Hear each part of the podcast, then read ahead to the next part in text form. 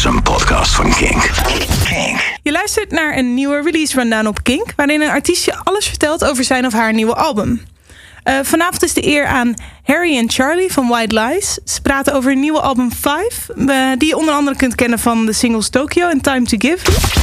Guys, thanks for sitting down with me. Yeah, pleasure. You guys are out touring with your newest album. Yeah. Your fifth album. Yeah. Appropriately called 5. Yeah. Um, are you happy with it? Yeah. Yeah. Yeah, well, we're still, we're, well, still happy with it for now. It's always it's tough. Like, it's really hard to appreciate whether you whether an album's really good or not in your own mind until like I think a year after it's released. Yeah. and you've really lived with the songs for a long time, and um, yeah, you don't really get a good impression of the songs until you can kind of play them on autopilot, you know, without thinking about them, you know. And uh, we haven't quite got to that point yet. We're still sort of slightly nervous and excited when we play Yeah. live. Yeah. So you kind of need the distance to look back on it and see. Yeah, you do a little bit. Um, yeah, when you're making something like a like a record, you, you're so in the moment that you have you. It's very hard to have perspective. We try and train ourselves. It's something that you learn a bit over time. Like, you know, and it's important. It's an important skill to try and refine because, you know, in this day and age, it's unlikely there's going to be a lot of people around you telling you, no, this song isn't quite good enough, or no, that recording should be a bit better, or anything like that. Um, with us, um, you know, it's it's up it's it's only up to us to to make a good record and then and then deliver it. Um, so yeah, luckily we've got we're very harsh with ourselves, and when we're working, you know, we're we're very cruel almost to ourselves sometimes. I think, but it's good. It's it's a discipline that I'm proud of. I think I read an interview where you guys mentioned that the producer for this album, Ed, Ed Buller. uh, yeah. Buller, Yeah. he, is he like that as well, where he kind of critiques you fairly? Yeah. I, yeah, I think that's why one of the reasons that we love working with him because he's he's worked on he he's been involved with all but one of our records in the past, like, and he's sort of almost like a father figure, kind of musically for the band. And I don't think there's anyone in the world we trust more. Whose opinion we trust more than his? Like he understands what White Lies is and what the sound is, and and he's a very harsh critic. Like he'll just, if you play him a piece of music he doesn't like, he'll just say no, it's rubbish. Like sometimes he'll even say no, just don't even bother working on it, just ditch it. Yeah. you know, and it's and it's great. It's Yeah. like it's it's great to find a person like that to work with when you're in a band. I think. And do you always listen to him? Yeah, pretty much. Yeah, Yeah, like I s- ninety five percent of the time, Yeah. I'd say. Yeah. Yeah, but I also often like it's interesting. Like if there's a song that he doesn't like, but that he knows that you like a lot, he'll just step out and he'll Yeah. go like, "I can't work on this because I don't, I don't really like this very much. Yeah. But I know that you guys like on it, so you should just run with it and finish it Yeah. yourselves, you know, kind of thing. Yeah. Like "Kick Me" on the album, for example, is a song like that. Like Mm. he just didn't like it. yeah. Okay, well we'll get to that because Yeah. we're gonna go. Yeah. Yeah, we're gonna go track by track. The, the first track is "Time to Give." Um, yeah, this is this is a really um, exciting moment for us. This track um, because I think at every stage of making the album and making this track, we we always kind of viewed it as a bit of an afterthought. Like it was the very last song that we wrote, and it was super basic. Like there was hardly anything in it. It was just a verse and a chorus and that little riff that you hear like at the end, especially, but also in the middle. And Ed, um, Ed had loads of great ideas for that song, like straight off the bat. Like he was saying, "Oh, you could do something really weird with this, especially in the outro. Like you could you could play that riff over and over again and change the key, and and it can keep growing bigger and bigger and bigger." And you know, originally, um, we felt really good about that, and we felt like the song was moving in a good direction and it was getting stronger. Um, and we recorded this this outro with with the mind to fading out. You know, like keeping it maybe at five and a half minutes rather than seven and a half, which it actually is. Um, and then. You know, it's one of those other kind of magic moments in the studio. I guess it was like the last day of recording, and again, it was like an afterthought. But but Charles had an idea to put a vocal over the end of end of that outro and it just tied the whole thing together and just made it like a really unique piece of music i think and something quite unexpected for fans of our band and, and people who are used to our sound i suppose. Um, and it's one of the reasons we wanted to put it out first because it was like I think it demonstrated a part of the album that people might not have been expecting from from us, and um, and we felt very proud of that. Yeah. I think it did. I think when I first heard that it came out, and, and before even hearing it, just hearing, oh, it's seven and a half minutes Yeah. long, everyone was like, oh my god, it's seven and a. Yeah. But it got played, at least in Holland, it got played I on know. the radio. I know. It was. It's crazy. We were just talking about it earlier. Like, uh, not just got played on the radio, but on like mainstream daytime radio. I mean, I can't tell you how how different that is to like the UK. like the thought of that kind of music ever being played on any daytime radio is just it's impossible. Yeah. So it was amazing. Um, um, it was it was such a kind of proud moment. I think because we were quite nervous to release it in a way. Um, and people just responded to it so well. I kind of wish now, you know, that we just put that out and then immediately put Tokyo out next. I think, but you know, record labels always make these decisions, and usually I think make them wrong. But yeah, so like Time to Give and, and we released Finish Line as well are kind of more left field tracks, I guess. And I think the proper singles really are Believe It and Tokyo. Yeah. But, but not in the Netherlands as it happens because Yeah. they played Time to Give, which is amazing. Kink, kink, release rundown.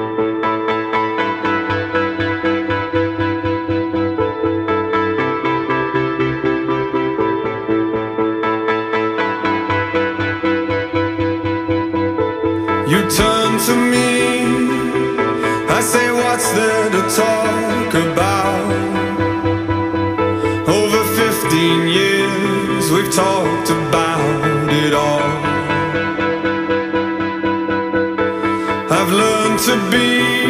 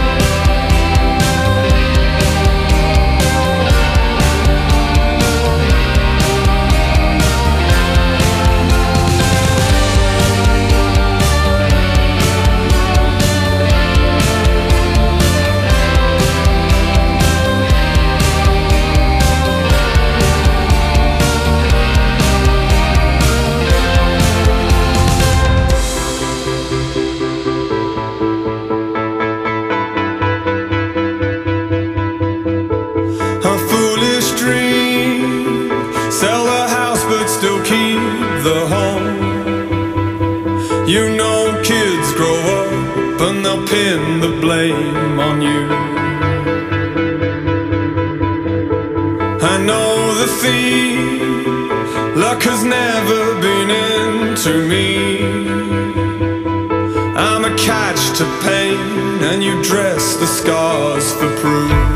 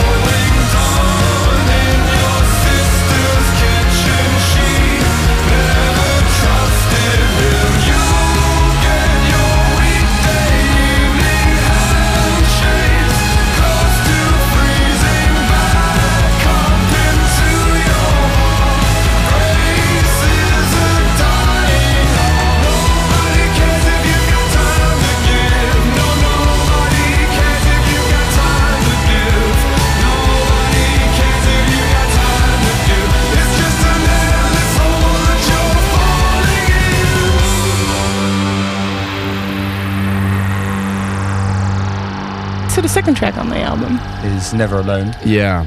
I remember this was definitely the song that took the least amount of time to write. In fact, I remember distinctly remember Harry and I wrote it before lunch.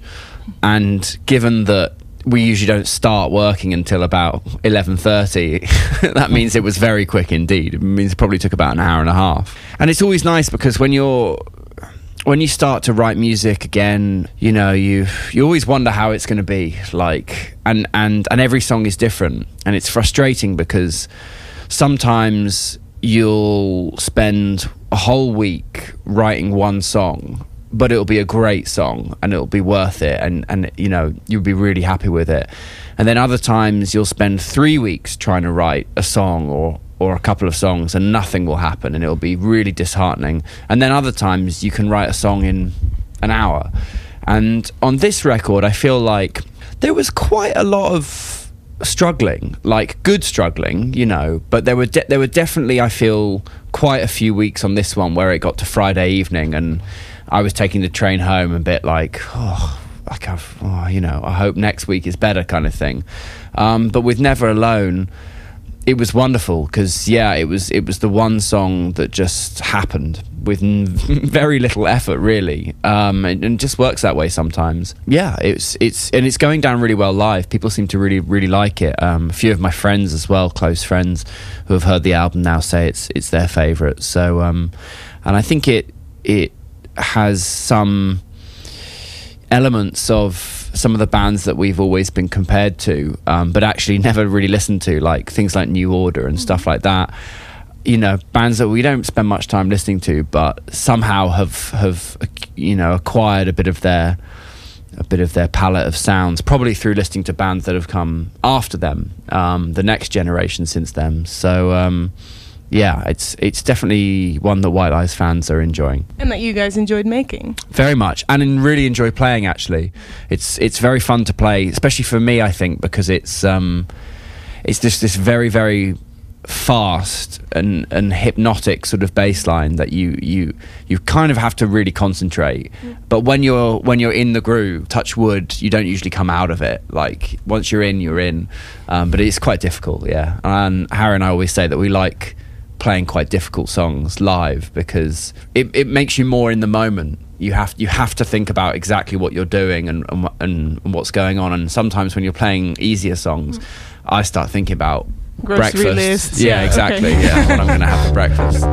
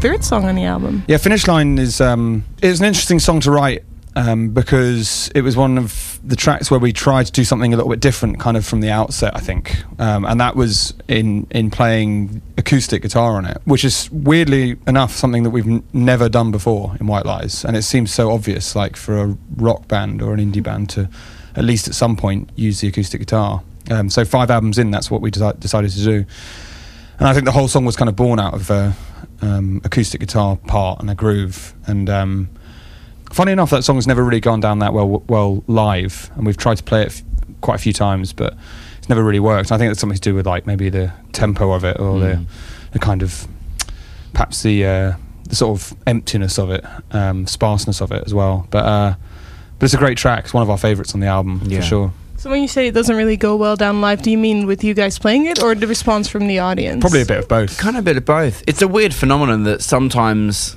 um, sometimes just certain songs just kind of don't work in that environment. Like they're they seem like they the recordings have been designed to just listen to at home or on headphones or in your car or whatever, and um, yeah, there's no really there's no real explaining it.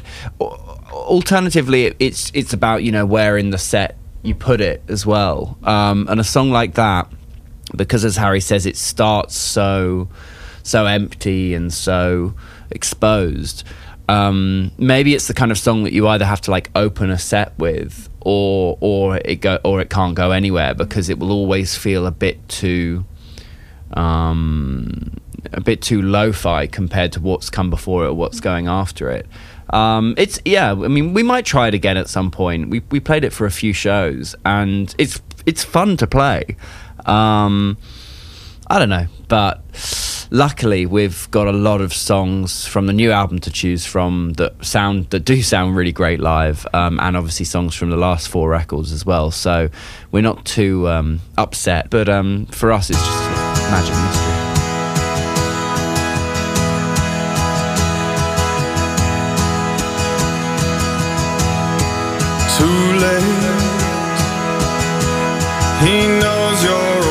Back to front.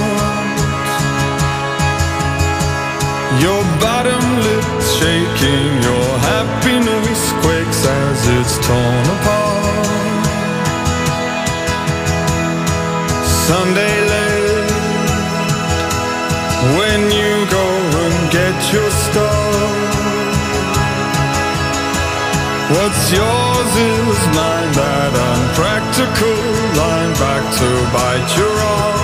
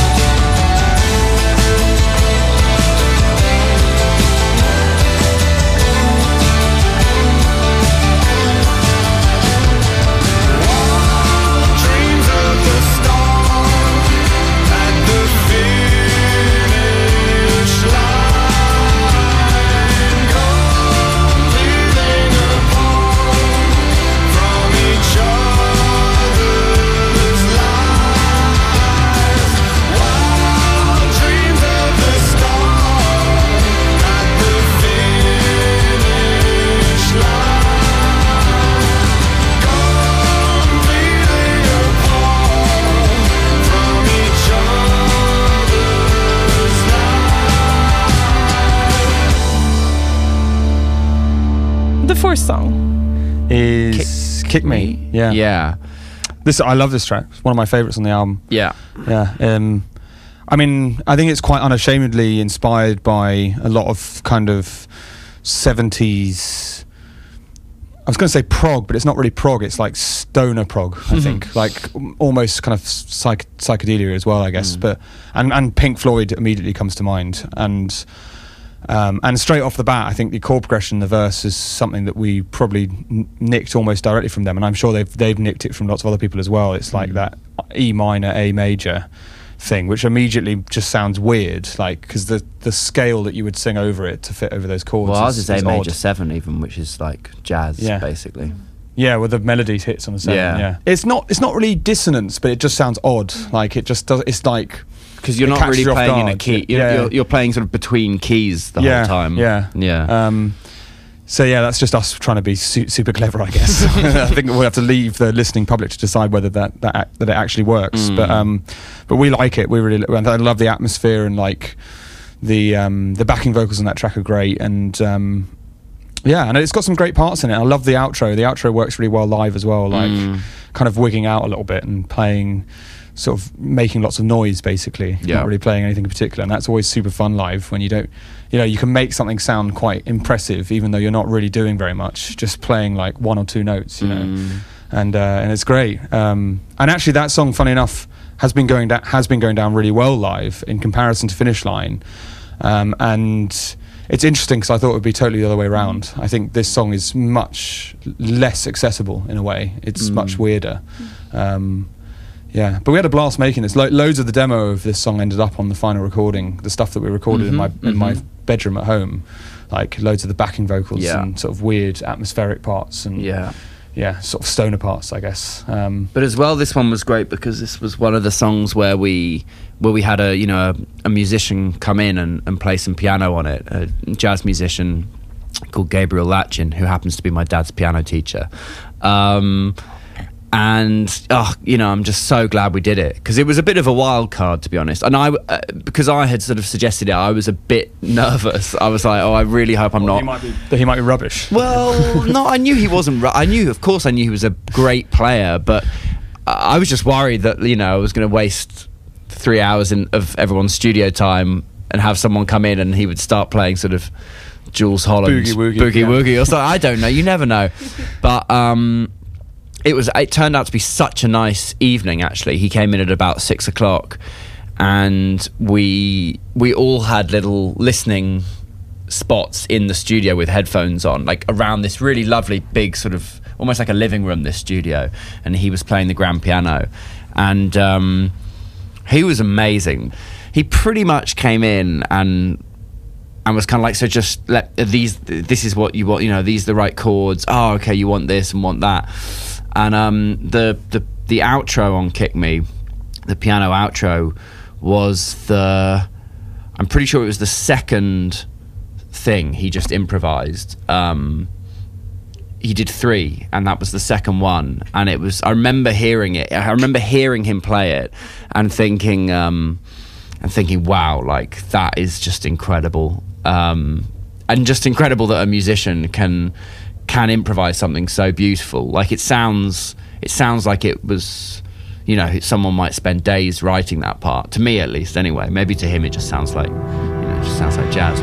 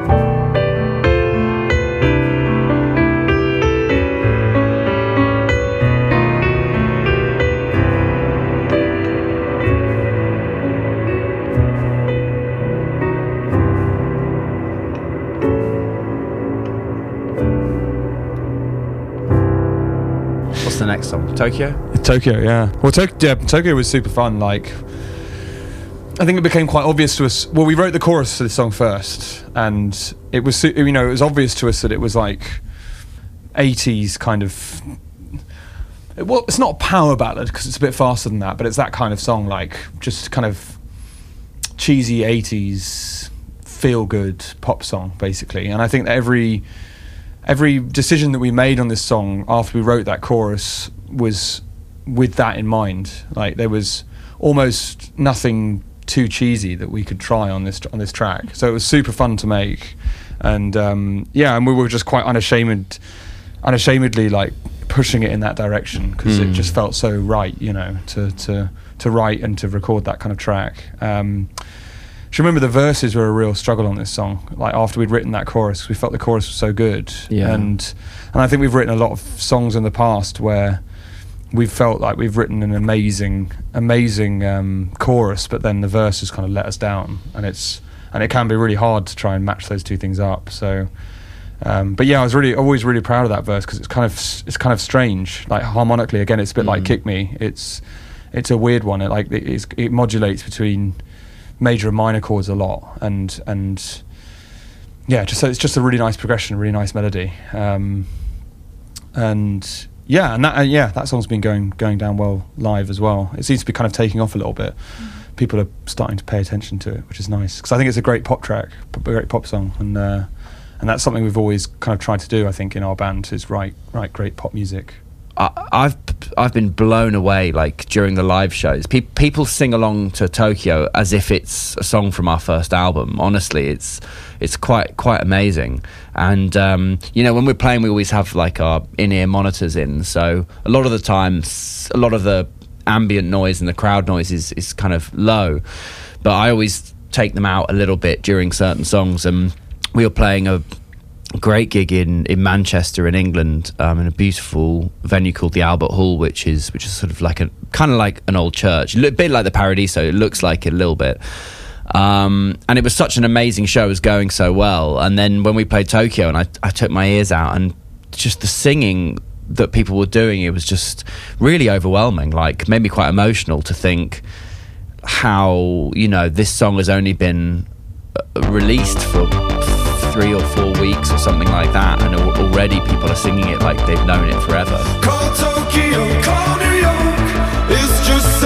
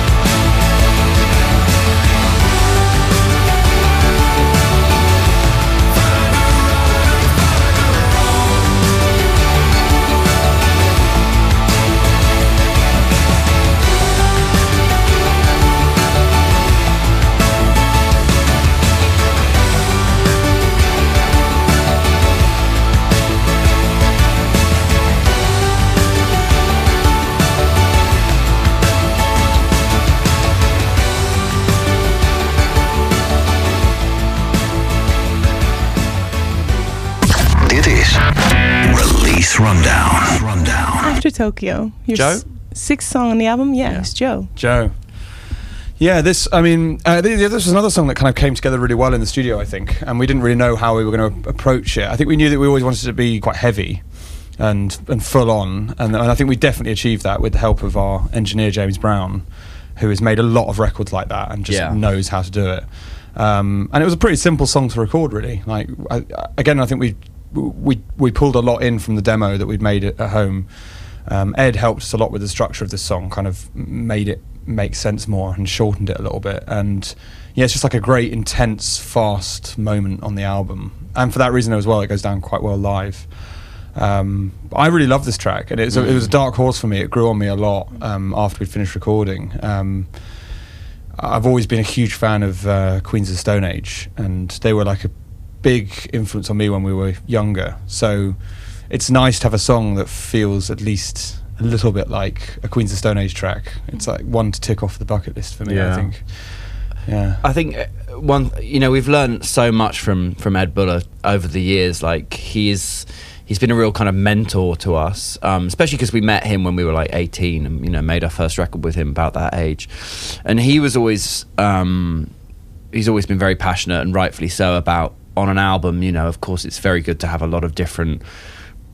Um, tempos basically you know songs with different speeds. And i think naturally when harry and i write songs we we we veer towards a more kind of middle ground like a middle kind of tempo. We like a lot of those kind of anthemic songs and, and sort of stadium ready songs have that sort of tempo. And i think with this record you know there was a point where we went okay we should write a really fast one like because it does i would i would say it doesn't come naturally to us. It's it's been a a decisive moment. Let's write a fast song. Yeah. it's not the kind of thing that we just start doing on our own. And we did it on the last record too with, with the song take it out on me.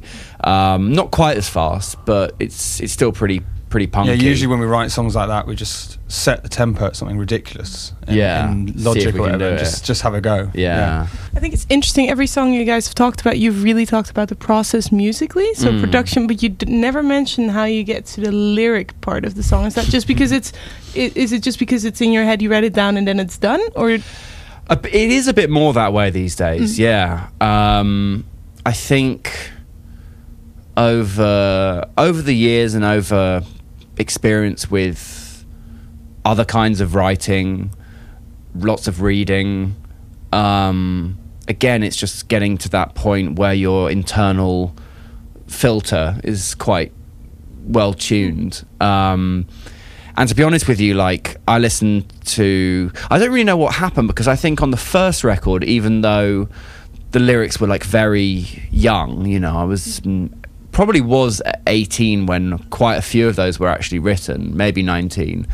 Um, I still don't mind them. Like I can still listen to them and think, oh, you know, I feel like I was a kid, but but you know, whatever. And, and, you know those songs and those lyrics have moved people. Um, but the second record, man, I, I think to be honest, like we as a band just kind of lost the plot a little bit in many ways. It's such a weird thing because you know we have bigger than us on that on that album, which is which is a song that we love and has been very very popular and we'll play it forever. Um, but a lot of other songs on that record, we just I think we just I don't know maybe maybe we, we tried writing too quickly after finishing touring or maybe we just got too caught up in in sort of production and things like that but but the lyrics as well just just just completely lost lost the way. Um, but you know you learn from these things and i think um, you have to sometimes make those mistakes to to to realize what you really want to be doing. And um, yeah with this album on the way that harry and i work now um, lyrics usually have to be written very very quickly because because we start writing music and as soon as something sounds quite interesting musically then rightfully harry always says you know i need to sing something quick bef- before we lose the moment kind of thing and so i have to write something really quickly. Um, And you're very good at that, actually. but i don't know why. I don't know where it comes from but um, I, I well, I, uh, I always imagine that you're thinking about something that you want to write a song about, yeah. And then when you have a structure, you know, like a set number of syllables that you need to Yeah. fill a space with, Yeah, then then you're good at putting down those thoughts quite quickly. I think. Yeah. Um, but I think it, I think it's I think it's a good way to write lyrics actually because it's very spontaneous and it should Mm. be spontaneous. It should be like how you're feeling in that m- moment or or what you want to express in that exact moment. Yeah. And it, to agonize over things like that is and to, to pull your hair out over things like that is not Mm. a not a good idea.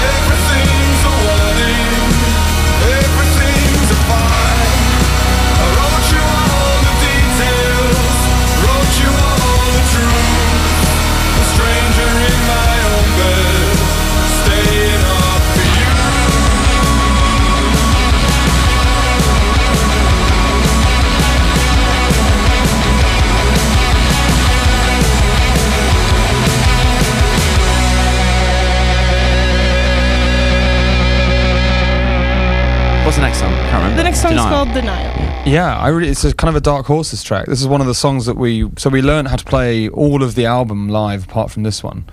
And I don't know why this one kind of got left behind, but I, I guess we just felt like it was a pretty standard kind of rock song, I guess, and and there wasn't too much interest for, on our part for, for playing it. But I think that was a mistake actually because people love the song on the album, and and I kind of too. Sometimes it's good to have a really simple like stomping rock track on on, on a record and on a, on a, in a live show. And I th- uh, I also think that the verses in the song are one of us one of the best things that we've done on this album. Um, maybe even in our whole career. They're like so tender. And the melody flows in such a nice way, and it just feels so natural to, to sing and to play. Um, so I think we should learn how to play it. I think we're gonna. I think we're gonna try and learn it over the next uh, over the next few days in sound check, and then hopefully bring it out live. But um, but yeah, and also this is. I remember uh, um, when we were getting this song mixed, and we were working with Alan Moulder, who's who's famous for having worked with numerous bands, but one of them being Smashing Pumpkins, and this song has quite a Smashing Pumpkins vibe to it, I think, but especially in the middle section with, believe it or not, a guitar solo, which is something else we've never done before in White Lies. And um, and I love it. It works so well. It's so in your face. The guitar sound in the solo and and just the whole song really. And and I remember saying I remember saying to Alan like. We never knew, we never usually say things like this, Alan. But can you just make this sound like Smashing Pumpkins? you know, like really unashamedly, like yeah, just just pull out all the toys that you use on Smashing and Pumpkins. I think his reply to that was, "I was always, already doing that, so don't worry." yeah, it was already the plan. yeah, Um, we've just been so lucky on this record to have the best team of people around us. Um, and to be brutally honest with you, like, um, people that we can't really afford, Yeah. like, but they, but you know, people that we've had, we have a relationship with, and so they want, they, you know, they're, they've been very generous to kind of make it work in various ways. Um, and out of all the albums that we've made, certainly since the first one, but probably out of any of them, this is the one that has has I've felt the most excitement from the other people working with us on it. Like you know, people have different favorite albums and things like that, and a, and a lot of people still going to love our first album. We love our first album, but it has been wonderful to hear from a lot of fans um, on social media and in in person at the shows. Um, no, this we love it. This is this is your best one. We love this one. Um, and to be ten years into our career and five albums in, and potentially having just made our best album, like it's not normal any for these days. It's very normal for the past. There's lots of bands didn't make their best album until later, but um, these days it's I don't think it's too normal. So I feel good. You look from the roof to the smoke